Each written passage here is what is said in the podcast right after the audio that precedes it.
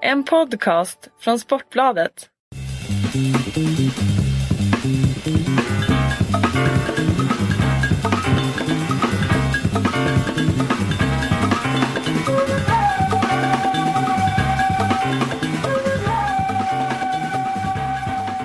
Ja, men då säger jag välkommen till Nina Gravender, eh, beachvolleybollspelare. Ja, det stämmer. Tack så mycket. Och en del i landslaget tillsammans med Karin Lundqvist. Ni utgör det svenska landslaget. Ja. På väg mot OS i Rio 2016. Yes. Ja. Nu har du kommit till lite vårligt, när det var sol för en stund sedan Stockholm. Men du har haft det varmare just eller för ni har varit i Brasilien på träningsläger. Mm. Berätta, hur var det där? Nej, Det är ju en, en väldigt härlig, eh, härligt land att vara i och ha sin försäsong. Eh, Vi kom dit i slutet av december och så har vi varit där fram tills, ja nu, vi kom hem i lördags. Så vi har varit där i ungefär i tre och en halv månad. Och det är, självklart är det slitigt och det är, det är som folk säger att det är svett, eller blod, svett och tårar. Och det var verkligen alla tre grejerna. Det var det, för jag, när man går in på din blogg då, där man kan följa dig om Ja. man är intresserad. Så är det väldigt mycket sköna liksom, beachbilder. Man tänker så här, man luras lite av att det inte är så mycket svett utan det ser rätt nice ut. Liksom. Men Mm. det kanske är mellan passen. Precis, vi, har, eh, vi spelade in en, ett litet klipp bara på, eh, vid telefonen efter vi hade gymmat. Eh, och vi har en ny fystränare så att han, eh, han kör slut på oss totalt. Men efter det, efter det passet så eh, Ja, vi, var, vi, vi var så trötta så vi bara skrattade igenom hela videon liksom för att det är man, man, man har ingen energi men ändå har man glädjen och bara skrattar. Shit, vi överlevde. det är precis det är den känslan, vi klarade det. Ja. Ja. Vad, eh, om vi tar den här satsningen då som, som där målet är OS eh, i Brasilien 2016. eh, eh, Hur ser den ut just nu? Den, vi har ju, den här säsongen som kommer nu, 2015, är ju väldigt viktig för oss. eh, Med bra resultat. För får vi bra resultat då kommer det eh, visas på rankingen. Och det är via ranking som man kommer in på bland annat och sen är det ett OS-kval också. Eh, Så det är olika sätt man kan komma in på OS men eh, just nu så är vi kanske topp kanske 30-40 i världen. Ehm, och vi startade för två säsonger sedan, eller två säsonger sen på typ ja, längst ner. För då hade vi noll poäng både jag och Karin. Och poängen får man när man börjar spela ihop liksom, som ett nytt par då. Precis. Och då får man, ju, ju högre upp, alltså ju, ju bättre placering du får desto bättre poäng får du då. Eh, så vi brukar säga att eh, topp 12, kommer man in på topp 12 på eh, världsrankingen, då är man inne i OS. Eh, och resten är via OS-kval och ehm, ja, olika andra platser. Men topp to- topp 12 då från kanske plats 30 eller vad sa du att Mm, ni var någonstans precis. nu. Det känns ju som en liten utmaning eller? Ja, jo men det är det. Mm. det. Det positiva och det som vi verkligen har känt nu att den här säsongen som vi hade nu, januari, eh, eller försäsongen januari till eh, ja, april. Eh, vi har utvecklats så mycket tillsammans och på banan att vi har blivit ett väldigt starkt lag. Vi har, ju- vi har skapat en väldigt, väldigt tight liten bubbla eh, som jag ser att det är väldigt svårt att motståndarna kan knäcka. Och den känslan hade inte jag förra året när vi kom in i säsongen. Var det den första? Nej, Nej, det var den andra. andra säsongen Så det här blir tredje säsongen. Så nu vet ni vad ni har varandra, hur, hur man agerar och reagerar. Precis vad den andra personen behöver höra på banan och vad man inte ska säga kanske. Eh, det, det finns ju spelare som, som skriker på varandra, eh, som säger massa olika ja, men elaka saker till varandra. Eh, vilket för mig och Karin är helt oacceptabelt. Utan man är ju där tillsammans och man, man ska ju pusha varandra och vara positiv. För det är då man, eller vi spelar bäst. Men om du skulle beskriva din och Karins eh, relation på plan då, Mm. som spelare så, eh, karaktärerna, styrkor svagheter, hur ser de ut? Eh, vi är väldigt lika fast ändå inte. Okej, jättebra. Eh, många tror att vi är tvillingar och så vidare på utseendet men, men på personligheten så Karin hon, hon är väldigt lugn. Eh, och jag kan bli väldigt hypad, alltså att jag kan spinna iväg i mina tankar och eh, jag kan bli lite ja, men stressad och då drar hon mig tillbaka. Eh, och det är jätteskönt att känna det. Att jag har den tryggheten att ja, men hon, hon har en och samma nivå, att hon är trygg hela vägen. Eh, oavsett om vi ligger under eller om vi ligger över. Det är samma fokus, det är samma trygghet. Mm. Och inte svepa iväg i känslorna på något Precis. sätt. Hon håller känslorna i, inom laget på ett väldigt bra sätt. Eh, och det är viktigt i, eh, i beachvolley för det blir lite som ett schackspel. Eh, man, ska, man ska förutse vad, vad motståndarna ska göra innan, innan draget går. Och om man tittar rent eh, spelmässigt då, liksom Mm. serve, block, liksom, vad, vad är era, är, kompletterar ni varandra där? Är ni lika även spelmässigt?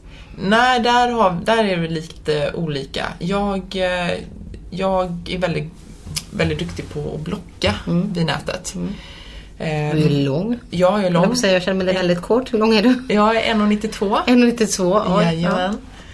Eh, och, eh, så jag är framme vid blocket Mm. och Karin hon är hon är inte heller så himla kort. Hon är 1,89. Mm. Man ska ju vara lång för att hantera Ja. sporten. Ja, det är en fördel. Men absolut, det är en fördel men det är inte ett måste. Eh, de flesta tjejerna, vi är nog ett av de längsta i världen. Mm. Eh, men de flesta är runt 1,80, 1,75 kanske max. Eller minst, om man säger så. Eh, nu glömde jag vad jag skulle Mm. Ja, det säga. var jag som vilseledde. Du är bra på att blocka. alltså. Ja men precis. mm. Eh, block är i min styrka eh, och Karin är försvaret. Eh, hon, är, hon är som en vesslare bak. Hon, eh, hon läser spelet bra. Eh, hon vet vad hon, vad hon ska göra, vilka bollar man ska prioritera, vilka man inte ska prioritera. Eh, serven, hon, båda två har, har fått till en väldigt bra serv. Både jag och hon. Eh, ja, nej men vi... Men det låter som ni kompletterar varandra Ja, men det gör vi. spelmässigt. Ja. Det gör vi Och, eh, verkligen. Jag tror att det kommer att bli mentalt. väldigt svårt att slå oss för att både jag och hon, vi är ju långa och då har vi en räckvidd vid anfallet eh, högre upp än vad andra spelare har. Och då blir det mycket svårare att försvara det anfallet. kommer en sån här dum fråga. Hur högt sitter nätet? Eh, det ligger på 2,26. Ja. Så när du hoppas så, så når du en bit över där? Ja, ehm, det gör jag. Du når nästan över den när du sträcker den. Ja, jag brukar ha lite, hur ska man förklara det här? Men det blir ju, om du tänker handen och så typ kanske 5 cm nedanför. På handleden typ någonstans? Ja, och jag har ju ganska stora händer som är ganska långa. ja, så det blir precis va. Det är uppe i Ja. armbågen på mig. ja, så. Får du det över, över nätet bara av att stå? Ja. ja. det är klart. Och då har du en otrolig räckvidd på den här. precis. Nu har vi ett ljud här som jag inte har hört innan. Jo, det är våra persienner bakom här. Vi sitter faktiskt på Sportbladet så vi, sitter, vi borde ju suttit på en beach någonstans. Ja, men det hade varit dåligt ljud. Men då helt plötsligt hissar de upp persiennerna Ja. bakom oss. Här.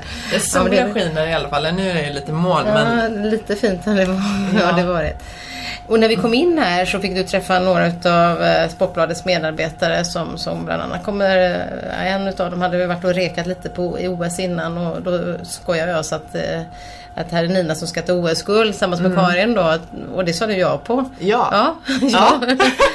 det, det, det låter som en skön Det- målsättning. Ja, det är verkligen min och Karins dröm. Jag har faktiskt haft den sedan jag, ja det är nästan 11 år sedan nu, eh, som jag hade det som, som första, ja men som en dröm, men jag trodde aldrig att den skulle bli sann. Och jag trodde aldrig jag skulle spela med Karin heller. För då var hon i, då var hon i landslaget med en annan tjej. Just det. Vi träffades för fem år sedan ungefär va? 2010 har jag för mig. Ja, vi Eller? träffades 2007, 2007, första, ja. ja, 2007 och jag började spela 2005. Eh, men då hade jag ju Karin då som, som idol, som eh, den här, ja men en spelare som, ja men jag trodde aldrig jag skulle få spela med henne. Eh, och, det, och när jag började spela beachvolley då när jag var 16 så så var det bara att ja, men jag får träna och så jag vill till OS men hur ska jag komma till OS? Det är ju, det är ju så långt bort. Och just då så fanns det inga riktlinjer att ja, men, om du tar den här vägen så kommer du komma till OS. Det var inte så strukturerat som det kan vara i andra sporter. Nej, just det. Den är ju en ganska ung sport på många sätt ändå. Ja, ehm, och men eh, 2013 då när vi började spela, eh, eller rättare sagt när vi började spela, vi, Karin hon ringde mig från, från Skype från Brasilien och frågade chans på mig. och det är, det är verkligen som, ja, men som en, en, en tvååring eller treåring på julafton och få sin önskan uppfylld. Alltså jag var så glad men jag var ändå kylig i samtalet. Du klarar det? Ja, jag klarar det! Skype är svårt också för då har man bilden liksom. Ja, nej men då, nej, vi hade ingen bild faktiskt utan det var bara Skype, samtal. ja, ja. Och då så frågade hon bara, ja men jag vet att du, att du vill mot OS och så vidare och satsa och ja, men vill du spela med mig? Du bara, Ja, jag vill gärna spela med dig och sen så blev det ganska kort att ja men då hörs vi för jag, jag kunde inte hålla mig. Nej. Jag var tvungen att jubla sen efteråt. Så att jag, vi la på ganska fort och sen bara står i vardagsrummet och bara kör vi segerdans. jättelycklig då förstås men också Ja. häftigt att hitta, hitta liksom din väg. Att den föll in. Men då måste hon, hon har ju förstått att du hade velat spela med henne då. Ja, eh, och eh, det... Nej, det är en, eh, en dröm som, som är på väg att uppfyllas helt enkelt. Så nu har vi ju då... OS-guld, alltså jag menar eh, Sverige har väl mig veterligen inte haft ett damlag med på OS innan. Det har varit herrlag med tre gånger men inget damlag. Nej, det stämmer. Nej, det är en skön målsättning. Ja, det är det. Det, det, är, ju bara i, det är bara det som är, är stort ifall om vi skulle komma med OS. Eh, Men sen när vi väl är där, ja men då ska vi ju fightas för en medalj. Det är ju, för oss är det ju självklart och speciellt efter allt slit och hårt arbete som vi har lagt ner. Många tänker ju att det här är det, är det här glamorösa livet. Att man, Beachlivet, ja, lite surfliv. Man, ja. ja. Man bara strösar runt på stränder och man springer lite i sanden och hoppar lite sådär. Men eh, det är svårare än så. Det är tuffare. Så att målet är ju absolut att, att ta en pallplats eh, på OS i Rio nästa år. Ehm, Men nu är det ju, nu är det ju denna säsongen som är viktig liksom. Och det är ju en turnering efter turnering. Och där började alltså den här World, eh, s- World Tour. World Tour som är den stora liksom, om man kallar det för världscup eller Ja, världs, världsturnering. så, eh, börjar Kina men där är ni inte med. Eh, och det är lite taktik hur, vilka, hur, vilka man ställer upp på sa du här innan. Hur, kan Ja. du berätta hur ni tänker där? Där tänkte vi faktiskt eh, från början att eh, vi ska, för, för det är första eh, stoppet på världstouren. Eh, och sen nästa kommer i maj, i mitten av maj. Så det, blir, det är ganska långt hopp däremellan. Så att då sa våran eh, tränare, att, som är vår brasilianska tränare, eh, som sa då att vi kör ett träningsläger till. Så att nu har vi varit hemma sen i lördags. Så det blir ju ungefär fem dagar. Vi är hemma i Sverige så nu på lördag så åker vi till Turkiet på tre veckors träningsläger. Så att vi, vi kommer ha en väldigt bra eh, vi har väldigt bra förutsättningar att kunna eh, göra bra resultat. Eh, och att vi inte åker till Kina, det är för mig personligen tycker jag att det är ett bra beslut att vi inte åker dit. För att det blir ändå en omställning. Det är ju kroppen som måste ställas om till deras tidszon. tidszon. Plus att vi har precis varit i Brasilien, där är det ungefär fem, eller det är fem timmar mellan Sverige och Brasilien. Och sen om vi skulle bara vara hemma i fem dagar Och så, och så sex till andra sidan. Ja, Mm. det, det är tufft för kroppen. Tidsomställningar också. Så det är ett bra, bra beslut och eh, jag ser fram emot ytterligare tre veckor. Även om det kanske många tycker att oj, ska du åka iväg igen på träningsläger? Men det är ju det du gör, det är ju Ja. ditt jobb. Precis. Men du, jag tänker alltså i sanden, det vet ju vi alla som någon gång har liksom försökt oss på det där lite så här som man gör på semestern en gång när man inte vill ligga stilla.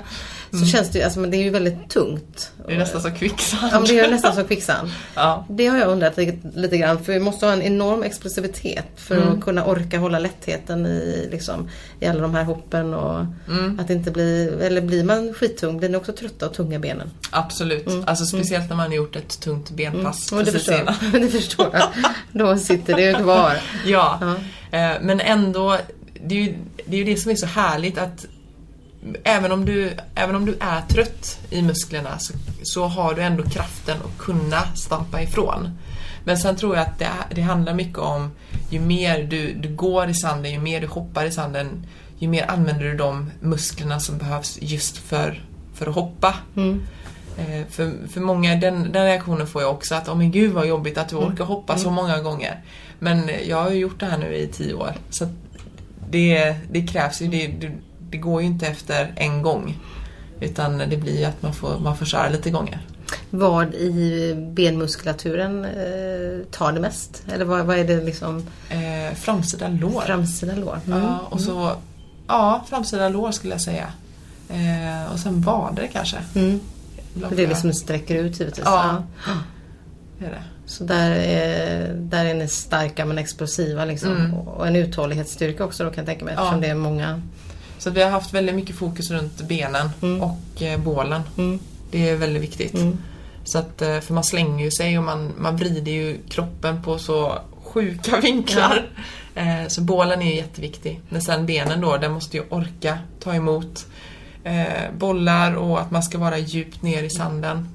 Man ska ju helst vara nästan sitta på en stol tänkte jag säga men Ja men Det är så djupt, djupt, ja, ja. Så det är som ett benböj liksom Ja. initialt Ja. innan man ska skjuta upp. Ja. ja, Det vet ju alla då som har gått på gymmet att det är jobbigt att göra på bara platt golv med skor på. Liksom. ja precis. Ja. Mm. Men eh, sanden då, vilka relationer har du till sanden? Eh, hur mycket sand har du i hårbotten när du kommer hem på kvällarna? Jag har det fortfarande. Du har det fortfarande med dig. Så du har lite brasiliansk sand som du kan Ja, dippa ut här på precis. toppbladet. Ja, det är perfekt. Nej, men det, är- det är svårt att eh, få bort sanden Ja, jag ibland förstår kan jag säga. Eh, Och ja, man åker ju... Det, det finns ju olika vad ska man säga, sandsorter. Mm, absolut. Eh, Och ehm, det finns ju allt från kvicksand och till... ehm, till Ni kör inte på kvicksand va?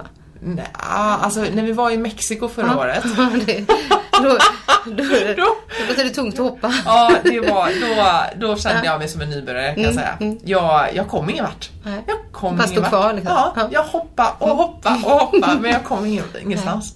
Men då var vi väldigt glada att vi var långa. Mm. För att de korta spelarna hade ju samma problem, eller alla har ju samma Mm. problem. Eh, så att de försökte ju hoppa och vi försökte ju hoppa men vi kom ju ändå längre för vi har ju längden. mm. Så att det gynnade ju oss Ja. på något konstigt sätt. Men där var det nästan kvicksand. Ja, Ja. jo men det, den var väldigt eh, både tung och ja, men man, man fick inget, alltså ju hårdare ehm, vad ska man säga, hårdare underlag desto bättre får du ju Mm, att mm. kunna hoppa upp. Ehm, det kan man ju se på inomhusvolleybollen. Mm. Ja, eh, det har du en annan yta under. Ja, Mm. så då kan du ju verkligen bara Mm. skjutas upp. Ehm, men jag skulle nog säga mitt emellan Mm. lite mer åt eh, det hårda hållet. Skulle jag säga sandmässigt. Eh, vi pratar om den här tuffa sanden och att röra sig på den och du har kommit tillbaks efter två diskbråck. Mm. 2008 och ett 2000 2012. Precis. Eh, det låter ju som en utmaning. Hur har den vägen varit? Ja, 2008 där så eh, den var väldigt tuff. Ehm, för då hade jag precis, eh, vi skulle köra en satsning jag och en partner och det var faktiskt mot OS 2012. Eh, och vi hade potentialen att vi skulle kunna det med, med rätt träning och så vidare. Men eh, så fick jag ju det här diskbråcket. Eh, det var under en turnering i Uppsala faktiskt. Ehm, men eh, så att det tog mig ett, ett och ett halvt år faktiskt. Eh, innan jag eh, kom tillbaka helt och hållet. Så hösten 2009 kom jag tillbaka. Eh, och då var det mycket rehab. Mycket, mycket rehab. Eh, men sen då så fick jag ju ett eh, återfall där 2000, våren 2012. eh, samma... samma sak. Eh, samma ja, diskar fast det var Det var en lägre ner så det var L4 och L5. Eh, och Ja, man kan väl säga att eh, det har varit eh, en mental resa framförallt. Fram tills Ja, fram tills Karin då frågade mig. För det, det är inte lätt att ha, en, ha haft en skada och få ett återfall och komma tillbaka och ha en, en rädsla inom sig att det kan hända igen. För det sa läkarna att om du fortsätter med beachvolley så kommer det här hända igen. Eh, och då har det varit väldigt fokus runt, runt, fok, eh, runt eh, rehaben. Eh, och den gör jag ju fortfarande, det är ju därför det blir väldigt mycket fokus runt bålen. Det. Så att jag stärker den, hela ja. Hur, hur illa var det då eh, sista gången när du hade diskbråcket? Vad kunde Ja. du göra då? Nej, när jag åkte till, eh, till Brasilien där så eh, till Karin 2013 så kunde jag ju knappt eh, hoppa. Eh, så så det var ju lite så här panik där inför, eh, inför säsongen men eh, det gick bra. Det gick framåt hela tiden. Nu känner du inget? Peppar, Nej, peppar. nu är jag helt frisk. Peppar, peppar, tar i trä. Ja. Inga skador. Eh, men det är ju för att vi tar ju hand om, om våra kroppar nu på ett... Eh, jag, jag har blivit mycket mer noggrann. Eh, och speciellt nu efter... Jag var noggrann ändå efter 2008 men jag var ändå, som folk säger, ung och dum. Man tänker att nej men det är ingen fara. Eh, men nu på, på senare, de sista två åren så har det varit väldigt viktigt att, viktigt att jag måste sköta det. Annars, annars kan det gå illa.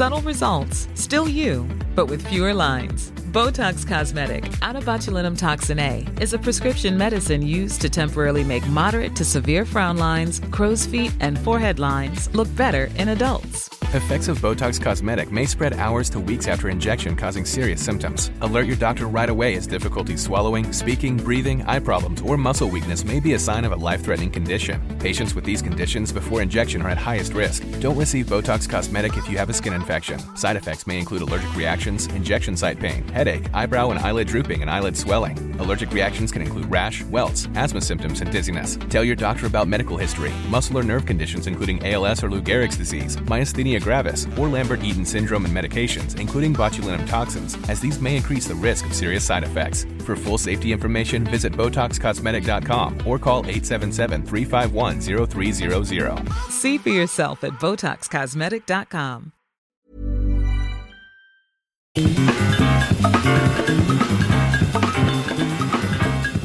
Det är alla som har sett eh, beachvolleyboll, framförallt kanske från OS då det blir väldigt stort liksom. Mera tecken bakom ryggen då. De, Om inte minst så fi- filmar ju gärna att man är inne på TV och i bilder och så.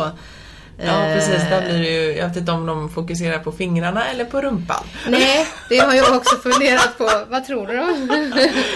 Ja, alltså jag är splittrad där. Alltså Ja. den här... eh, Det, är ju, det har varit väldigt mycket fokus eh, Mm. runt eh, våra, alltså tjejernas eh, klädsel. Eh, men om vi, om vi tar tecknarna Mm. Ja, först vi kan börja med tecknen så kan vi ta, för det där finns, det, det är bra, du tar upp det själv. Men, Ja. För det där är ju lite svårt att Om jag vill undan. klargöra- göra några saker ja, där, Ja, liksom. precis. Du har chansen. Ja, precis. Eh, nej men eh, vi har ju två tecken kan man säga. Mm. Eh, och sen så kan man eh, hitta på egna. Att man eh, lägger till då ett eh, lillfinger eller ett ringfinger eller vad det nu Det kan vara en tumme. Eh, ja men sinsemellan. Eh, ja men taktik om man ska finta där då eller om man ska om man ska göra något annat. Och den vänstra handen då visar för motståndarens vänstra spelare och den Precis. högra för den högra spelaren. Väldigt Precis. pedagogiskt. När Men- man tittar rakt på dem. Ja, just det. Så att då blir det, då kan man, första alternativet är att man bara visar långfingret. Mm. Och då är det, betyder det att eh, jag som blockare kommer blocka parallellt. Och Mm. det betyder att jag kommer blocka framför spelaren rakt bak. Mm. Så det blir att jag tar den ytan som är bakom mig. Om jag står vid nätet. Och eh, min partner då, Karin, hon tar den diagonala delen. Eh, och eh, ja, nej, det blir, ja, det blir så. Ja, så blir det. Ja, Ja. Precis, det är lättare att förstå när man står på banan. Ja, Men, men och sen så finns det ju liksom två två tecken. fingrar. Ja, precis. Då är det två tecken, jag menar två Fingrar. fingrar. Eh, Segertecknet. Mm. Mm, ja, det kan man också säga. Ehm, pekfingret och långfingret och då är det att blockaren blockar diagonalt. Mm. Och då, när jag gör det, då springer försvararen, eller Karin då, på parallellen Mm. för att ta den Den bollen. raka bollen som Mm. kan komma där. Mm. Så det är väl inte så svårt egentligen. Här sitter vi och funderar på Ja. det. Men så finns det de där hemliga tecknen då som Ja. bara du och Karin i det här fallet vet då. Precis. Och de avslöjar man inte. Nej, alltså det, det, det är väl ingen som, som kommer på det för att det blir ju att motståndarna ser ju inte det ändå. Ehm, Men det kan vara allt från att eh, jag visar eh, exempel lillfingret och då kan det vara att jag fintar, att jag står på diagonalen och visar tydligt att jag kommer ta din diagonal. Men så slänger jag bara över händerna på den parallella delen. Det. Men hur, hur mycket hur följer man det här då väldigt noga? Är det, är det viktigt med tecknen till varandra? För det är ett sätt att Ja, det, kommunicera? är det. ja, det är jätteviktigt för under bollens, eller under rallyt så är det Det är svårare att kommunicera. Ehm, Men man hinner, vi, eller, ja, men man hinner ändå säga några enstaka ord. Eh, och jag och Karin, vi har, vi har funnit nu att vi kan säga byt. Exempel ifall om jag blockar parallellt. Eh, och det har vi sagt för att jag, man visar alltid tecknet innan den andra personen går och servar. Eh, så att man vet vad den andra personen ska göra. Men i bollen kan man ju se att okej, ja men Nina hon har större, exempel Karin nu då, att hon har större chans, eller att jag har större chans då att ta diagonalen istället för den parallella delen. Så då kan hon skrika byt. Och då uppfattar jag det väldigt fort och byter att jag tar diagonalen istället. Precis. Så det är lite, eh, Ja. ja. när man, då hinner man ändå med någon form av kommunikation Ja, också som inte bara är fingrar. Nej, Nej. Men sen är det, det är väldigt kort från att bollen avslutas till att man ska gå och serva. Mm. Det är 12 sekunder. Jag tror det är 8 kanske de har till och med minskat det. Ja, så att det ska hålla uppe tempot emellan. Mm. Ja, precis. Så att, eh, Nej men taktik är väldigt viktigt. Det är det. Och då är, det, då är vi ju där. ju. Ja, de här fingrarna som Mm. Ja. jag har sett och det är ofta bilder från mästerskap. Så kommer ofta man ser de bilderna så eh, när någon står och visar. Mm. Men du är inte säker på om det är för att visa taktiken eller för om det är för att visa tjejernas rumpor då? Nej, Långa snygga tjejer ofta. Ja, Ja. Men det, det tycker jag överhuvudtaget idrottare. Mm. De, men det, det har nog mer med att idrottare tar hand om sig själva. De Mm. tar hand om, om sin kropp. Eh, och det gör att, om att man ser eh, attraktiv ut eller att man, om att man, man har den auran, man, man utstrålar det. Både självförtroende med liksom stark Ja. core- core-stabilitet men, men också muskler liksom. Ja, precis. Ja. Eh, Men det, det har ju varit sådana diskussioner, eller det är ju fortfarande så ifall om jag träffar upp eh, personer som jag inte har träffat innan eh, och jag berättar att om jag är beachvolleyspelare då kommer den första frågan. Ja, okej, så ni har eh, jättesmå bikinis och eh, det, väl, det finns ju regler för det. Och de reglerna jag har inte sett dem på länge nu. Men det har ju varit en regel att det får vara max 10 centimeter Precis. på sidorna. Låter lite lite. Ja, Ja. eh, men saken är den Men de här... ändrar väl det? Ja, mig, alltså precis till 2000 shorts. Ja, precis. Så att man 2012 kan är någonting som internationella volleybollförbundet Ja. eh, ändrade till att det är möjligt för kvinnor att ha shorts. Precis. Eh, men jag kan ju säga så här, jag har inte sett en enda person som har haft shorts Nej. på världstouren. Och du har det inte själv? Nej. Nej. Eh, för att jag tycker det är mer bekvämt att ha ja, men bikinitrosor. Mm. Eh, och för mig tycker jag det är helt normalt. Alltså det är ju våran klädsel. Ehm, och där det blir väldigt varmt, det är det blir väldigt fluffigt att spela i stora kläder.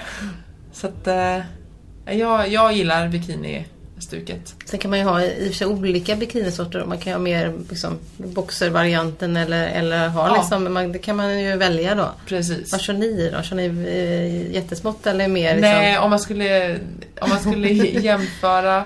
Man, man blir ju ganska, eller man blir väldigt skadad när man är i Brasilien Mm. för att de har ju såna små bikinitrosor. så det blir nästan, alltså man visar ju nästan hela rumpan. ja, det är inte mycket. Nej. Nej, det är inte mycket man, man skyddar där men eh, vi och, och Sverige har ju, nu har ju modet kommit att det blir lite mindre här i Sverige också. Eh, men jag skulle säga att vi har nog eh, mitt emellan. Alltså normalstorlek fast här i Sverige kanske man skulle säga att oj vad små de är. Ja. Fast jag själv Ja. tycker inte det. Jag Nej. tycker att de, de, de är perfekta. Men inte viktigt är att, liksom viktigt då att de sitter väldigt liksom Mm, tight. Sitter Ja, tight så så att man eh, att de inte känner- ramlar av. Ja, det är ju för då har det är en fördel. Nej, nej det har det inte. Det har hänt på träningen har det gjort. Inte att de har ramlat av såklart men att jag måste dra upp Ja, dem hela ja, tiden. Men då är det ju att det, det, då är det kvaliteten. Ja. För jag kan tänka mig sådana som har sådana som de knyter, de har jag också Ja. sett. Det kan jag bara känna, off, det känns ju lite, får det vara en bra dubbelknut där alltså. Ja. Nej vi kör inga risky. sådana, vi kör inga sådana risky business. Men det är ju lite grann som simning till exempel. Alltså att man Ja. vara, eh, med just det här, eller, eller som jag pratade med John Aletred och gymnast, att även en gymnastikdräkt eh, som också är, Mm. Är liten, att, att den är väldigt tight så att, Ja. den, så att du känner dig bekväm. För jag Ja. menar, du ändå, ska du nu stå i den här djupa positionen Mm. så vill man ju inte liksom att, eh, att det är för, för, för mycket tyg där som fladdrar va? Ja. Kan jag tänka mig. Nej men det stämmer. Men Eh, tänker det- du på det någon gång under matcherna? Att, alltså, oj. Det, eller det borde vara konstigt om man ska behöva tänka på det under matcherna. Skulle jag Ja, kunna tycka. alltså vi, har ju, vi brukar eh, ta och sy upp våra bikinis i Brasilien. Eh, och i och med det att vi gör det så testar vi ju bikinitrosorna alltså när vi tränar. Så att det blir ju inte att vi ha, har helt nya när vi börjar, när vi, när vi börjar nu säsongen i Prag exempel. Då har vi inte helt nya bikinitrosor som vi aldrig har tränat i utan vi har ju några som vi vet att de, vi känner oss bekväma i. För det är ju jätteviktigt att, att man ska känna sig bekväm. För annars Ja. börjar man ju, som, som du säger, att man börjar tänka man, man tar fokuset från något helt annat. Då blir det på bikinitrosor istället för att, att serva liksom. Ja, och det känns ju att eh, då riskerar man att missa OS Ja, om man men- lägger fokus där. Generellt, hur ser du på, på just det här ändå exponeringen som blir? eh, För det blir det ju naturligt. Eh, Känner du att den, att den har varit besvärande på något sätt eller är det bara en del av er sport? Nej, jag ser det bara som en naturlig, naturlig Mm. grej. Det... Jag, nej, jag, jag ser det absolut inte som en... Eh, inget som jag fokuserar på. Eh, det som jag kom att tänka på, det var ju att när de kom in med det här med att det var max 10 cm så har ju herrarna, de har ju sina shorts. Och de skulle ha 10 cm ovanför knät. Det var deras, eh, deras eh, regel, eller vad man ska säga. Och de gjorde ju mer uppror än vad tjejerna gjorde med, med bikinitrosorna. För det var för långa byxor? Nej, de var för korta. De var för korta? Ja, Jaha, tisen, eh, de ville ju ha mer Mm, Ja, det är surfarshorts. klart. Eh, så att-. Mm. Så, att- så det blev ju det blev mer fokus alltså från tjejerna. Att det var mer att ja, men det var 10 cm där, att det blev till killarnas sida istället. Att det var killarna som, och det var ju mest spelarna som sa till. Att ja, men det här kan vi inte spela i. Så att eh, tjejerna generellt, det är, ja, men det är som ett vanligt jobb. Alltså med, med klädseln. Däremot kan jag tänka mig för kvinnor som finns i andra länder än Sverige och Mm. USA och sådär. Jag menar som, som eh, där det inte är lika acceptabelt och Mm. respektabelt att gå avklädd liksom. Att eh, det kanske inte är en sport för dem. Alltså, det begränsar på ett sätt. Men Mm. det kanske finns andra, det finns ju andra sporter som gör det också. Ja, vi har inte, jag, världstouren har inga sådana platser. Och det kan vara en av anledningarna. Han Absolut. åker inte till Iran eller sådär och spelar beachvolleyboll. Nej, Nej. Det, det, det gör vi inte. Nej. Det finns ingen, eh, jag vet inte om det, de har väl säkert, de, jag vet inte om de har någon tour. Jag har faktiskt ingen aning. Nej. Det vet inte jag heller men jag kan tänka mig att det just eh, att, att man inte har det Ja. av, flera anledningar. Men precis.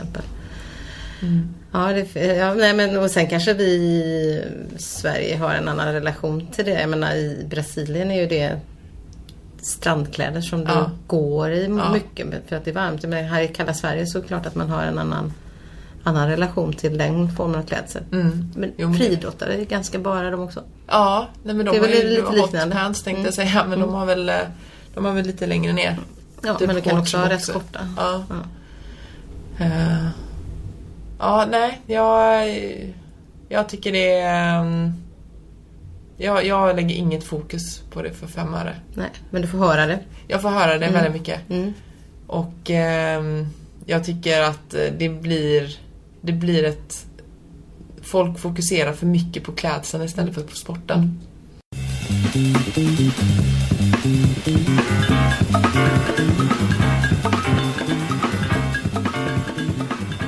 Men du började då i Huxbo i alla fall när den hallen fanns. Eh, Var det där du fastnade för beachvolleybollen? Ja, jag, det var faktiskt min idrottslärare. Eh, när jag gick i nian så fick vi en ny idrottslärare och eh, hon körde beachvolley. Så hon, blev, eh, hon sa till oss att ja, men vi, ska, vi ska testa beachvolley. Och jag har aldrig kört inomhusvolleyboll eller ja, beach överhuvudtaget. Så att när jag kom in i hallen, att öppna den här dörren, alltså jag känner fortfarande den här doften av, av svett, av instängdhet. Alltså man, man tänker att det är väldigt, det är väldigt varmt och det är ju, man tänker att det är exotiskt och så vidare men det är ju det är mycket svett som är där inne för det är ju väldigt instängt och eh, sanden är ju uppvärmd och men när jag kom in där och så bara såg sanden och banorna, för då var det bara, det var inte så många banor, det var nog bara sex banor, nej sju kanske. Och jag kommer inte ihåg. Ja. Ehm, och, och när jag bara gick ner för, för det var en balkong och så gick man ner för trappan barfota och sen bara satte, satte ner sina, sina ja, fötter i sanden. Det var, här hör jag hemma. Du kände det så direkt? Ja, det Häftigt. var... är det- Den är svår att, att beskriva den här känslan men det var... Nej men här hör jag hemma, det här är mitt liv.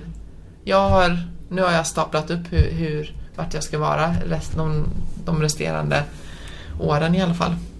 Vad häftigt att på ett sånt ögonblick liksom. För Ja. det verkar ändå som att det finns kvar det ögonblicket hos dig. Ja, jo men det gör det. Och pensionen, det är ju Det det, försvann som inte när du driver. började spela heller utan det byggdes på då. För då hade du inte ens testat nästan. Nej, det hade Nej. inte jag ens testat. Och sen då när min idrottslärare bara, ja men eh, nu ska vi bolla ihop. Så då var allting var, det var, ja bollarna stack ju höger och vänster såklart men, men det var bara, det här vill jag göra. Men då, hade du gjort mycket volleyboll innan då? Vanlig volleyboll? Nej, ingenting. Inget, för det är ju, ja. Det, är, ju- det är vanligare att en volleybollspelare går till beachen än att det går tvärtom. Mm. Ehm, så man börjar med inomhus volleyboll. Mm. Men det hade du inte gjort? Nej. Nej, det var lite konstigt. Ja, För det är ändå, det kommer jag ihåg att volleybollen var från gymnastiken en av de sporterna som jag inte gillade riktigt. Ja. För att jag hade svårt att hitta liksom vad man skulle träffa. ja men precis. Folk För jag det jag, jag gjorde ont liksom. Jag var handbollsspelare, handboll, Ja. basket, löpning allt. Men, men det är liksom... Ofta, de flesta tar ju och um, tar bollen fel när de tar ett baggerslag som man Det var säger det då. jag har gjort då. Ja, det, det blir att, gymnastiktimmar Ja. som bara, ja. Men, du, det är- du hittade rätt där. För du, Ja, precis. Ehm, det var ju min idrottslärare som, Mm. som hjälpte mig där då men eh, det blir oftast lättare ifall om en, en lärare kan någonting om sporten, Mm. hur man ska... Alltså grundläggande saker bara. Inte high tech men... eh, Nej men eh, så här slår du. Ja. Ja. När du kom då, då var du alltså i, gick i nian? Ja, precis. Då var jag 16. Ja, du har, har en bakgrund där inom skolan som, Mm. där du har varit utsatt för mobbing. Eh, Hur, var det på grundskolan eller? Det har faktiskt pågått fram till när, jag var, när jag gick ut gymnasiet. Eh, så från, ja, från dagis faktiskt eh, till, till nu då, eller till nu säger jag som jag skulle vara 19 år. eh, nej men från dagis till 19 år så Oj. har det varit mobbing. Och då har det allt, varit allt från att eh, folk har eh, snackat, eh, sagt saker till mig. Eh, allt från eh, långstånk till, till giraff till... Eh, för jag var väldigt, väldigt smal. Jag var lång och smal och sen hade jag glasögon, självklart. Det är verkligen alla de här eh, vad heter det, begreppen eller eh, kännetecknarna kan man säga för att bli mobbad. Eh, vilket jag... Ja men barn är så elaka. De är så elaka. Men det här kommer jag inte ihåg men på dagis, det var min syster som berättade. Hon sa ju det att jag kom ju hem en, en, en dag och hon, jag var ju jätteledsen, jag grät ju. Och då hade någon tjej ja, men retat för mina kläder. Och det var ju då allting började. Eh, så att jag har haft en eh, väldigt tuff, eh, tuff uppväxt. Och jag har, jag har aldrig velat vara i skolan. Jag bytte skola från Kungsbacka till en skola då som var i, i själva Göteborg. Eh, och detta var på grund av, av eh, mobbingen. Eh, jag klarade inte av det. Det, det, det, var, det var tufft. Hur eh, retad? eh, Blev du också utesluten ur grupper och hade inga Jag- kompisar ja. och sånt där eller? Jag fick, eh, jag hade ingen. Jag var alltid ensam. Eh, och det var alltid att jag, jag kommer ihåg idrotts, eh, det kommer sådana här flashbacks ibland. Men det var exempel på idrottslektionen. Då, då skulle vi göra en, eh, eh, man skulle ja men typ eh, placera på varandra, eller lägga på varandra så att det blev en stor hög. Och så skulle det vara en person som skulle försöka dra ut personerna ur den här högen. Och då var det, då var det en, en tjej som, eh, hon drog av mig byxorna. Ehm, och alla började skratta. Men gud vad elakt. Ja, så att jag, ja, äh, usch alltså. Det, och jag är så glad att den perioden är förbi. Men sen så fortsatte det ju under gymnasiet. Ja, för någonstans, ibland brukar det ändå bli en förändring när man Precis, lämnar grundskolan. Ja, och att man blir och de andra eh, kanske äldre. växer ikapp lite. Precis. Det kanske- Men där var jag ju ändå, jag har ju alltid varit minst 10 cm längre Mm. än alla. Så det har ju alltid varit, på korten har det varit att jag har varit lika lång som lärarna. Ehm, men när jag flyttade, eller när jag kom till, eh, till gymnasiet så var det fortfarande att ja, men jag blev utfrusen. De pratade inte med mig och eh, mycket ensam och det var då jag, och det var i samma veva då, att beachvolley kom. Hittade du den? Ja. Vad, vad, vad, vad öppnade den för värld för dig då när du hade de bekymren vid sidan av? Eh, att, att alla andra kan slänga sig i väggen.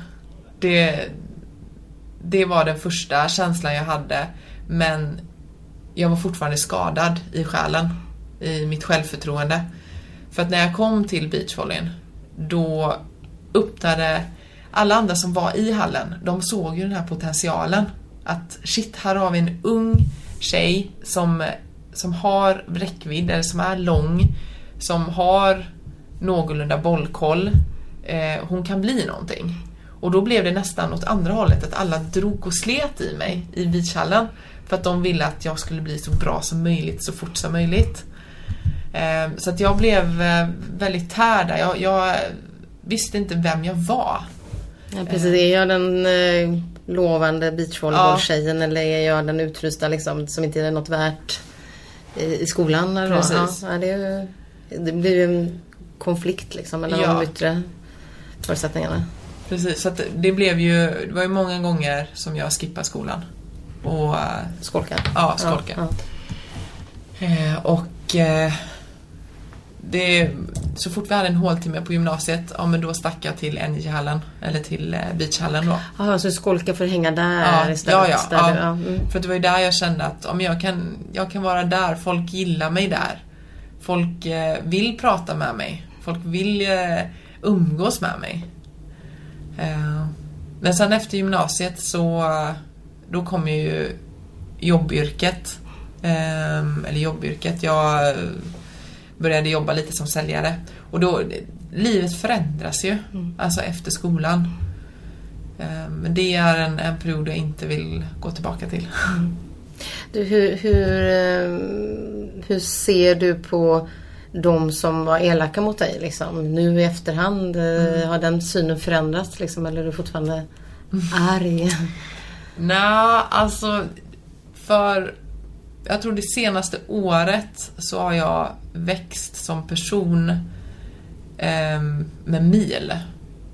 Och i och med det, så innan det då, eller för ett år sedan, då kände jag, för det var väldigt många som snackade skit, det är många som, som tyvärr snackar skit i dagsläget också. Snackar Eh, skit om vad? Att du gör den satsningen eller att du är lång? Ja att, jag, ja, att jag ska misslyckas och, i de banorna. Och för ett år sedan så brydde jag, väldigt, jag mig väldigt mycket om vad andra tyckte. Och eh, bland annat då de som har mobbat mig. Att, ja men lite den här revansch, revanschen att jag ska visa er. Jag ska visa er vem, vem jag är och vad, vad, hur det, ja, men att jag är, har blivit stark och så vidare. Men under det här året så har jag insett mer och mer att om det handlar ju inte om dem. Utan det handlar ju om mig själv. Att jag ska känna mig trygg i mig själv. Så att jag har hittat mig själv. Eh, jag har blivit starkare och jag känner det. Både när jag pratar eh, med, ja, med mamma eller med min syster eller med Karin. Hon umgås jag ju med 24 timmar om dygnet. Så att hon har ju märkt det också. Men att inte bry sig om vad andra tycker längre. Alltså det, det är en så skön känsla. Det är som att en, en sten bara har bara försvunnit. Så att även om folk säger att om, en, om jag hör att ja, men jag hoppas att Nina misslyckas eller att hon Men får en skada. hör du det fortfarande? Ja, det jag. Att du ska misslyckas och få skador liksom? Ja. Det är nås- nås- n- nå- nåstakar, eh, några Ja. eh, som, eh, som jag hör det ibland av. Eh, eller inte jag personligen, de säger inte till Nej. mig. Utan det kommer ju från, från person till person. Mm. Eh, och sen så blir jag så här att, men varför ska man säga det till mig? Det är ju onödig information. Eh, men just nu så blir jag ju bara, jag struntar jag bara rycker på axlarna och bara, "Ja, ja, de får tycka vad de vill. Men jag, jag ska mot OS och jag ska det med Karin och det är helhjärtat det här. Om man vänder på det som du, du säger att du ändå har släppt den här känslan att jag ska visa dem. Men lite Mm. av den drivkraften kanske också kan vara ett bränsle för att nå Ja. hela vägen fram. Kan du nyttja den som en... Är du med på vad jag menar? Ja. Man måste brinna lite inombords tror jag för att eh, liksom, det gör de flesta som har gått så långt. Ja, ja, men det gör jag ju absolut. Alltså en, en del av mig är ju fortfarande den här drivkraften. Men den största drivkraften är ju att jag har den här viljan, att jag har vinnarskallen. Och att jag, om jag har funnit någonting som, ja men en, en stor kärlek eh, till sporten. Och en passion som jag Ja, men jag har samma passion nu som jag hade för, för 11 år sedan. Det... Nej, det... det ja, det, det, självklart är det en drivkraft. Men den är inte lika stor som det var för ett år sedan. Du pratar om din passion så ser man också att du har den där. Det räcker liksom. Nu kommer det... Ja, jag bara. Förflyttades du till någon härlig beach någonstans. En bra bana och liksom en bra match eller en bra träning. Mm. Eh, finns det no- har du funderat över det? För det finns ju barn hela Mm. tiden som, som blir mobbade tyvärr i skolan och, och utsatta och sätter men för resten av livet. Mm. Eh, Har du, alltså var det det här just, just bara som du säger, liksom utseendet, att du var lång? Liksom. Ja. Var, var, ja. Jo, det var bara det var Det mycket som- utseendet. Ja. Och att jag var en eh, skugga. Att jag bara var där, att jag inte sa någonting. Men jag, jag vågade ju inte säga någonting. Så fort jag sa någonting, ja men då, då fick jag ju ett, ett hugg tillbaka. Jag, var i, eh, jag gick i fyran och då var det att eh, det var i skolan i Kungsbacka fortfarande. De skulle göra en ny eh, en ny eh, jag vet inte vad jag ska säga, alltså en ny de skulle omorganisera så att de skulle ha tre klasser i ett klassrum. Så det skulle vara trean, fyran och femman. Och då gick jag i fyran. Eh, Jag kommer ihåg, jag kommer ihåg så starkt, jag sitter i klassrummet och vi var nog kanske 50 pers, kanske med lite mer. Och vi hade en lärare. Eh, Och den här eh, läraren, vi hade matte. Och så, ja men läraren hon gick runt och hjälpte till. Och så var det någon gång att jag inte, jag visste inte vad jag skulle göra på en uppgift. Så räckte jag upp handen som vanligt. Och så frågade jag liksom, ah, kan jag få hjälp? Och så säger hon, så säger hon bara, nej jag, jag måste fokusera på treorna. Du får fråga femteklassarna. Och då så satt jag där och så, och så drog jag ner handen. Och så tänkte jag bara att, nej, jag vågar inte det. Jag vågar inte fråga en femteklassare för det är ju de som mobbar mig. Varför ska jag göra det? Så att jag satt ju där och det... Och tyvärr då, i och med det här med mobbingen just den perioden gjorde att jag var tvungen att gå om en klass när jag bytte skola. Så att jag, jag skulle ju vara i fyran i, på den nya skolan men de märkte på, på tester att jag har inte de kunskaperna.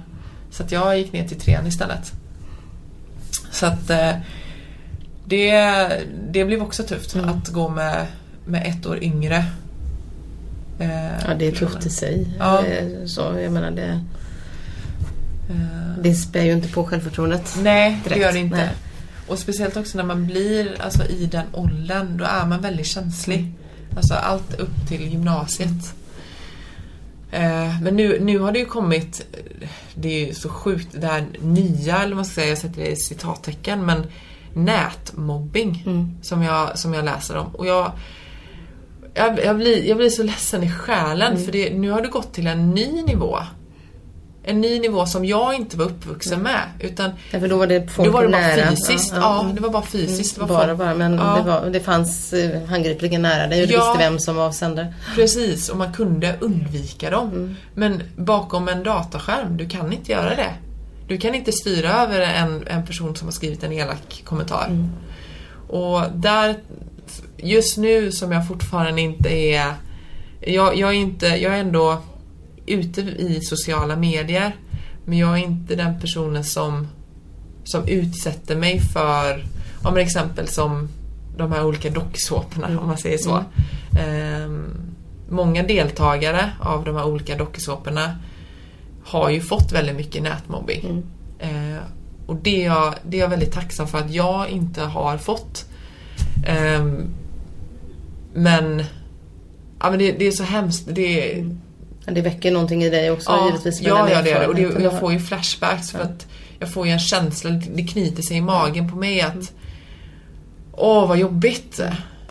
Och speciellt de här tonåringarna. Alltså en vuxen människa, självklart det är inte tolerant överhuvudtaget, men en vuxen människa förhoppningsvis kan ändå behärska det på något sätt. De har ändå någon erfarenhet i livet. Men en, en yngre person, vad ska den vända sig till? Den har ju ingen erfarenhet av någonting. Den tar ju åt sig för det första allting. Nej, det, är- det är hemskt. Det är...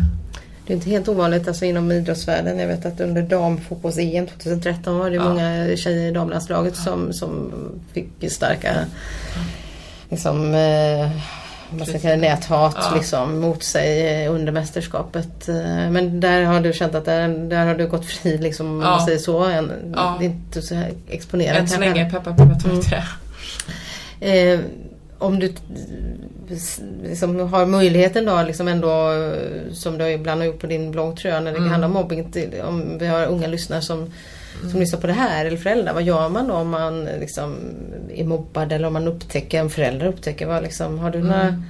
Mina föräldrar upptäckte ju inte detta. Nej. Ehm, Så de visste ju inte någonting om detta. Ehm, Men det, jag skulle nog säga att det handlar om eh, en öppen dialog och att man är öppna med varandra. Eh, Och att det är tufft att berätta för sin förälder. Jag kommer ihåg att när jag, när jag försökte berätta för mamma Eh, då blir det ju den första, första reaktionen av en förälder blir ju att ja men då ska jag prata med läraren, jag ska prata med rektorn, jag ska prata med barnet. Det är liksom pang, pang, pang. Men ofta så är det kanske inte just det som barnet behöver. Jag vet att jag behövde inte det, utan jag behövde bara någon som lyssnade på mig. Eh, som, som tröstade mig och som sa att ehm, egentligen så, jag tror inte någonting, alltså även ifall om, om någon hade, det spelar ingen roll vad den personen hade sagt till mig. Eh, utan för mig var det bara att jag ville ha någon som lyssnade på mig. Eh, som visade mig uppmärksamhet. Ehm, ja, alltså det, det, Det är är, svårt jättesvårt. Och ja, självklart är det, det är från, från person till person. Eh, men jag tror det behöver inte vara ofta alltså att man pratar med sin förälder. Alltså det kan ju vara sitt syskon. Mm. Ehm, jag pratade mycket med brorsan, med syrran. Ehm, men sen, sen är det ju också det att sporten har ju hjälpt mig väldigt mycket. Och det är ju ofta, eller jag har hört när jag har sett många intervjuer med andra idrottare Ja, men som exempel Carolina Klüft nu. Jag såg hennes, eh, det var ju länge sedan, hennes mm, SVT... mm, dokumentären Ja, dokumentären. Hon var ju också utsatt för mobbing.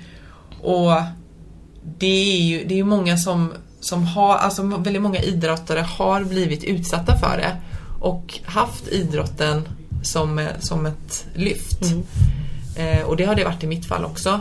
Och jag säger inte att det är det som är svaret till alla ungdomar. Ehm, men det kan vara ett, ett av dem. Och att man kanske hittar sin nisch där, där man liksom, här är jag stark och här har jag Precis. mitt andningshål. Liksom. Precis. Eh, och att livet baseras inte på högstadiet eller på skolan. Nej. Utan eh, det är, en, det är en period och den är tuff. Och det kommer alltid finnas en... Ja, ja, det spelar nog inte roll, det spelar ingen roll ifall om det är om 10 år eller om det är om 20 år. Det kommer fortfarande vara en person som är populär. Och det är en som kommer tyvärr vara mobbad, tror jag. Ehm, um, jag, jag, jag hoppas bara att man hittar någon, någon lösning till det.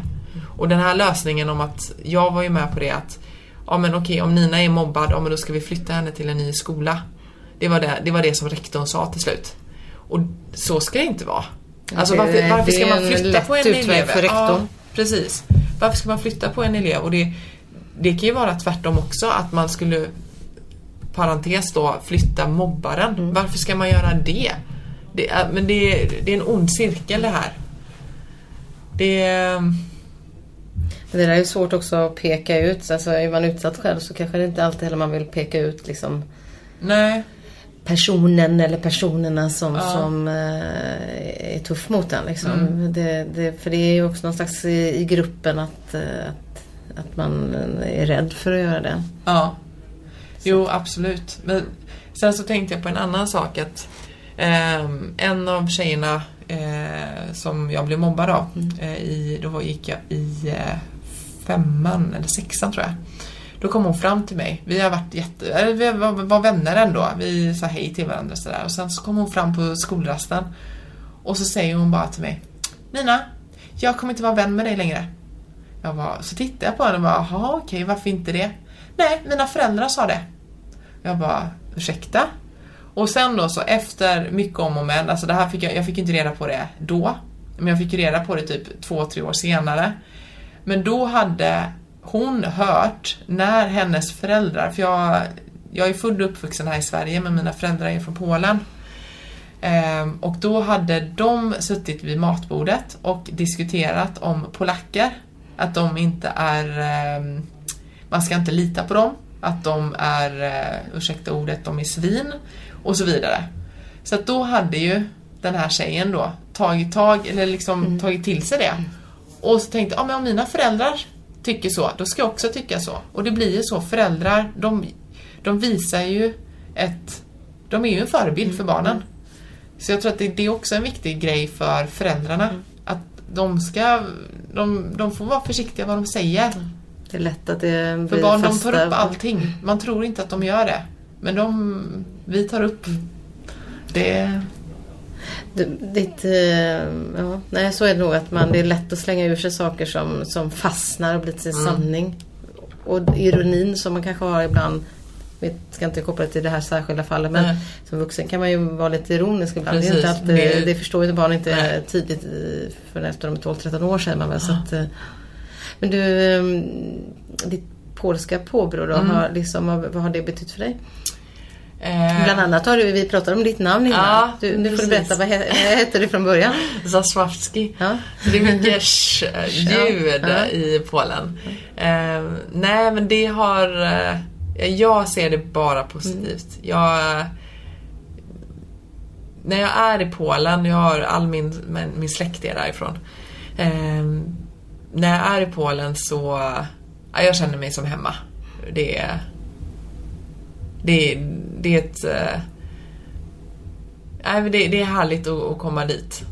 Nu får jag en massa flashbilder. Ja, nu det är det det lite tyst här. Ja, det är lugnt. Den poppar upp där. Ja. Var, var i Polen bor släkterna? Det, de är utspridda. Ja. Eh, men Krakow, eh, Warszawa. ehm, Krakow är en fantastisk stad. ja, det är det. Mm. Om man inte har varit där så måste man åka dit. Det är otroligt vackert. Ehm, Hur- men då hade jag i alla ja. fall, ja, då hade jag ett annat eh, efternamn där då. Mm. Eh, men nu har jag ju gravänder då Mm. och det var ju, där blev ju också en mobbingfaktor. Eh, När, du så- bytt, när ni bytte namn? Ja, Eller- eller- eller- innan, innan vi ja. bytte namn. Ehm, för då blev det att man blev ju mobbad för det. Hur Eh, gammal var du när ni bytte då? Oj, det kommer jag faktiskt inte ihåg. Du är 27 nu. Ja, Ja. jag kommer inte ihåg detta. Men Men det var det kan någonstans... vara dagis säkert. Ja. Mm. Ja. Ehm, men det, ju, det, det roliga är ju att folk har ju fortfarande svårt att uttala mitt efternamn. Men nu, det är ju så vanligt nu. Ja. Ehm, och det, och det, alltså, det här är ju kanske roligt men jag, jag blev ju mobbad för det här, det här efternamnet som jag har nu också. Så att det blev ju Nina Gravide istället för Gravender. Eh, och, och återigen, jag var jättesmal. Så att jag, alltså inte... Det, alltså, det, det, det stämde inte ihop Nej. liksom. Varför skulle jag vara gravid? Alltså, det, nej, men det är så, så sjukt och barn kan hitta på. Och de kan slänga ur sig och... Jag tänker i dagens tid, eh, som du också varit inne på eh, lite grann just när det gäller liksom kosthållning och sånt där. Så sockerberoende så har jag sett att du har plockat om. Eh, så finns det också en risk att man, alltså, eller att man lever i en värld där man är väldigt påverkningsbar. Liksom, Utav ideal och så här ska man se ut och det är plockesopor hit. Och Den ena ska gå ner i vikt och den andra ska ha mycket sex och den tredje ska vara, ha varit mästare i någonting. Liksom. Och det, det finns ju alla parametrar där. Eh, Hur kommer det sig att du, det här intresset för, för kost och liksom att ändå försöka informera de som följer dig. Eh, var kommer det ifrån? Eh, ja du, jag har nog alltid... Eh, jag har inte haft någon, någon förebild alltså, inom hälsa. Utan jag har bara varit eh, intresserad av hur, ja, men hur min kropp reagerar på maten. Och vad, hur jag mår av den. Eh, och det har jag ju märkt nu att jag mår ju mycket bättre nu än vad jag gjorde ja, för ett år sedan. Eh, och innan det. Vad har du börjat äta då? då? Massa ananas? Ja men precis, massa annan vattenmelon. Ja, vattenmelon och ananas. Nej, frukten i Brasilien, ja, Ja, den, den, den är solvarm. Ja. Ja. Eh, men, eh, nej, men det blir ju mer att man... Eh, det är ju inte det att jag förbjuder mig själv att inte äta pizza exempel eller snabbmat utan det handlar mer om att jag mår dåligt av att ha ätit en, en slafsig pizza. Då kan jag hellre göra en egen pizza med, eh, med mina egna ingredienser. Eh, allt från eh, rucola till tomat till mozzarella, ost. Så att det, det handlar mer om, om hur, hur jag mår. Eh, som jag har blivit intresserad av kosten. Eh, jag läser mycket olika artiklar och eh, jag, jag är intresserad av det. Mat det är ju roligt. kemi liksom så Ja. det påverkar kroppens processer givetvis. eh, Och det som mycket. funkar för mig behöver ju inte funka för någon annan. nej. Det är ju väldigt individ, individ, individuellt. Men du är inte så raw food, du har ingen sån... eh, Nej. Nej. Utan det är bara att, Nej, jag har börjat mår. lite mer med ekologiskt men det har varit väldigt, väldigt svårt i Brasilien för där är det inte så mycket ekologiskt.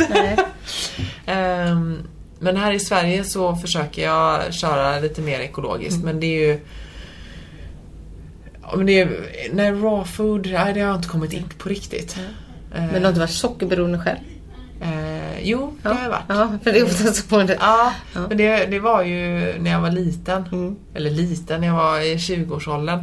Men då var det ju verkligen att eh, ja, men man kunde ju smälla i sig vad som helst. Utan att eh, gå upp i vikt Mm. eller eh, gå ner i vikt. Det, man kunde äta skräpmat hela tiden. Man hade ju sån omne, ämnesomsättning. Men det blir ju, man, man, ju äldre man blir desto mer man, man får ju tänka vad man sätter i kroppen. Och så det är klart, ska du ha maximal utdelning av din träning så, så handlar det mycket om vad du liksom förbereder och vad du får i det efteråt också. Ja. Jag läste Patrik Sjöbergs eh, bok Mm. och eh, han sa ju också det att eh, eh, maten blev ju en, en skillnad. Från att han åt pizza, skräpmat, till att han, han åt bra mat. Mm.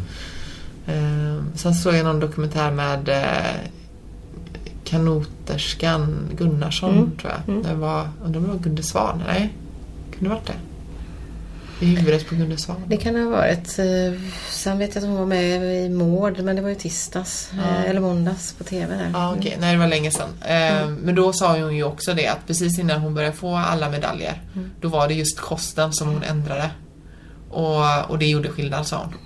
Och det, det kan vara de här, alltså det, man kanske tänker att ja, men det är en liten grej, alltså vad man stoppar i sig ifall man ska äta en banan innan träningen eller inte. Ja men det, det ger en skillnad, det är en skillnad. Eller om man dricker någonting under träningen, ja men det är väl klart att det gör det. Mm. Du, eh, ett OS då.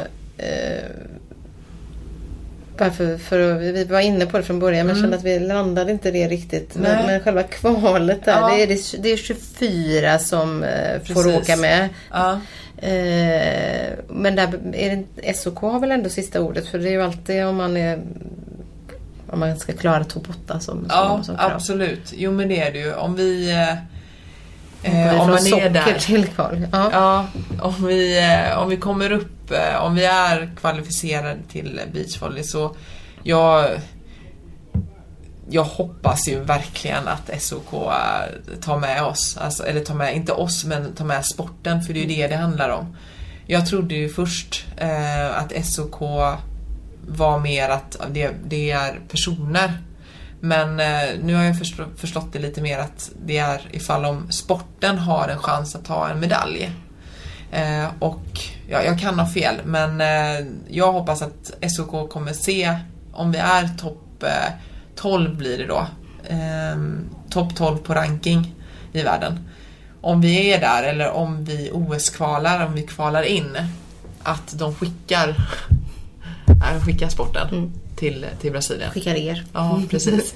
Men, men hur länge pågår eh, ert kval då? För om ni, ni har ju Ja. världstouren och sen så är det kvaltävlingar också. Precis, så nu kommer vi faktiskt OS-kvala 1-2 maj i Österrike. Och då är det andra omgången. Första omgången var förra året. Och då är det ett, ett gruppspel med eh, fyra länder. Eh, och eh, nu då ser vi i, vi vann eh, hela gruppen första omgången. Eh, så nu är vi i andra omgången. Och då är det ettan till trean i gruppen som går vidare. Ehm, etta i gruppen, den går till tre, ja det blir fjärde omgången, det blir semifinaler kan man säga. Ehm, och tvåan och trean går till en, en omgång som spelas till hösten. Så ett nytt kval liksom. Precis, Mm. ja. Eh, och fjärde, fjärde plats, de åker ut. Eh, och vårt mål är ju självklart att komma etta i gruppen. Eh, men där har vi, eh, vi har Österrike, vi har Azerbajdzjan och nu borde jag ju veta det tredje landet, men det gör jag inte. Nej. Eh, som vi har i gruppen och Österrike, de är väldigt starka. Okej. Så där kommer det bli en, eh, en tuff utmaning. Internationellt då? Är det USA och Brasilien som är liksom... Mm. Ja, fort. Tyskland har visat också eh, framfötterna. Mm. Eh, Men eh, ja, USA de, de har bra, bra lag. Och Brasilien också, men de har ju splittrats väldigt många lag där. Så de har bytt runt Mm, lite. Du, att om det skulle bli ett OS så, så innebär det också att man ingår i, i den olympiska familjen men, men liksom Ja. man får träffa massa andra idrottare och så här. Ja. Hur mycket skulle det betyda för dig? För det är ju också en del i en Alltså kanske en inspirationskälla men också en del i en professionell satsning. Ja, jag skulle gå på moln. ja, men, ja, men Vad innebär tänk- det då? Ja, men precis. Alltså, ja, det är så svårt att föreställa Ja, sig. ja. Alltså, det, alltså, det kommer bli en sån sjuk känsla. Jag tror jag tar Karin där som håller tillbaks dig Ja. för du hade den. Ja, men jag tror att hon kommer vara nog lika uppspelt liksom. Men eh, för det är ju, det är ju en av henne, hon har ju aldrig varit i OS heller Nej. och det är ju en av hennes drömmar. Eh, men hon, eller hon, eh, jag hade nog eh, Ja, min, min, jag hade nog fått ont i nacken. Jag hade nog liksom vridit mig fram och tillbaka, fram och tillbaka. Eh, men det, det, Men du behöver inte titta uppåt som en del andra behöver för du har rätt bra Nej, men precis, jag koll, kan- så ja. nej. Exakt. du kan umgås med, med internationella basketspelare och, Ja. utan att knäcka nacken. Ja, precis. Nej, men det, det, som, det är ju faktiskt en, en parentes här också då att när jag kommer på världstouren, alla tjejerna de är ju inte jämnt med mig men de är kanske max 10 cm kortare än mig. Men killarna, alltså jag känner mig så kort. Jag känner mig så kort för de är ju runt två meter. Så att, så att det, är ganska, det är ganska skön känsla. När jag, när jag gick ut på världstouren första omgången, eller första gången, det var 2010. Då, då växte mitt självförtroende. När jag kände att, åh vad kort jag kände mig. ja, alltså, det här får du din miljö där du är liksom Ja. no- normal och ja, Precis. ja, inte behöver titta neråt liksom. Nej. Så, för, ja, nej, ja, det, Nej men det är alltså, jag, jag tänker på, på, i, på byn. Ehm, jag, sk, jag skulle nog vilja försöka snacka med så många som möjligt. Och bara ja, men få deras eh, syn på, på, som idrottare. Ehm, för jag har ju inte pratat med någon annan idrottare. Alltså för jag har ju bara hört, jag har bara lyssnat. Ehm, men det blir ju en annan sak när man pratar med någon och får höra deras erfarenheter och Ja, Men hur är det nu? Har du, har du ekonomiskt stöd från SOK? Ingår ni? nej, inte än. Vi behöver lite ja. resultat för det. Ja. Vi behöver ehm, få en medaljplats på EM. Eh, och sen så är det Och där har ni varit nia. Ja, precis. Eh, och sen så är det kanske kvartsfinaler, tror jag. Eh, så, så vi behöver kanske vara minst femma, trea hade varit bra. Och hur finansierar ni de här världstourerna nu då som kostar lite Våra pengar? tacksamma sponsorer. Ja. Men du har, ni har några? Ja, vi har några Ja, stycken. ja. Eh, och eh, de, eh, vi hade inte kunnat fylla den här drömmen om inte de hade följt med på vår resa. De betyder så mycket.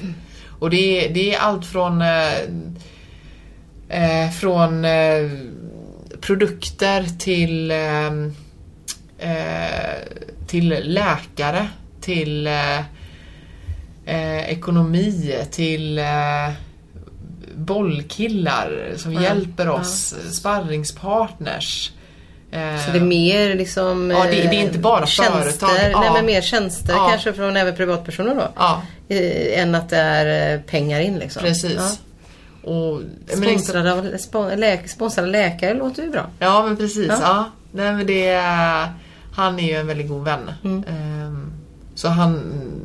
Ja, men det Men du, man behöver ha man det. behöver en, ett, ett team. Mm, Ehm, och det är som exempel nu då när vi var i Brasilien de här tre och en halv månaderna. Då har det kommit folk eh, Mm. från Sverige. Så att man kan åka, där vi har varit nu då, så vår tränare han tränar andra personer också. Eh, och då har det kommit massa olika beachfolk, både eliten i Sverige och amatörer. Eh, och många kanske inte tänker på det men de människorna tillför mig och Karin så mycket energi. Och de tänker ju inte på det på det sättet, tror jag. Ehm, men varje gång de, det kommer nytt folk så får man ny energi. Och då är det allt från, men man, man, hittar, man försöker hitta på saker, gå på middag, man går på bio. Eh, för det är ändå en lång tid man är där. Hur bor ni när ni är ute sådär? Om ni ska försöka hitta så billigt som möjligt. Lägenhet Ja. eh, är det billiga. Då bor ni ihop. Ja, eller jag bor ofta med andra personer än Karin och min tränare. För ehm, han bor, eller han, han är därifrån. Så han har sin mamma där, så att han bor där eh, med, sin, eh, med sin mamma och sin syster och som är Karin då. För de är gifta. Aha, då, ja. Ja. då är jag med. Ja, ja det fanns precis. någon relation, Ja, jag misstänkte exakt, det. ja. Ja, där har du inte sprängt in riktigt mer än att du är liksom eh, i, i teamet. Men, Ja. ja. Men det är ändå Det är väldigt viktigt också att man har sin egen Mm. tid. För vi spenderar så mycket tid tillsammans. Och nu under sommaren, ja men då kommer det vara i ett. Då kommer vi Vi bor ju på hotellrum om och om, Mm. om igen. Och då är det ju tillsammans. Behöver lite space. Ja. Eh, Men det är jag, jag är ju Jag är så otroligt glad att jag har Karin som en, som en väldigt nära vän. För ofta så Många spelare ser man ju som en partner. Ja men det här är min, ja men typ som en kollega på jobbet. Men ingenting mer. Eh, Men jag och Karin vi, eh, ja, på min tid i alla fall, jag hoppas jag att hon också tycker det, men hon har blivit en väldigt, väldigt nära vän nu.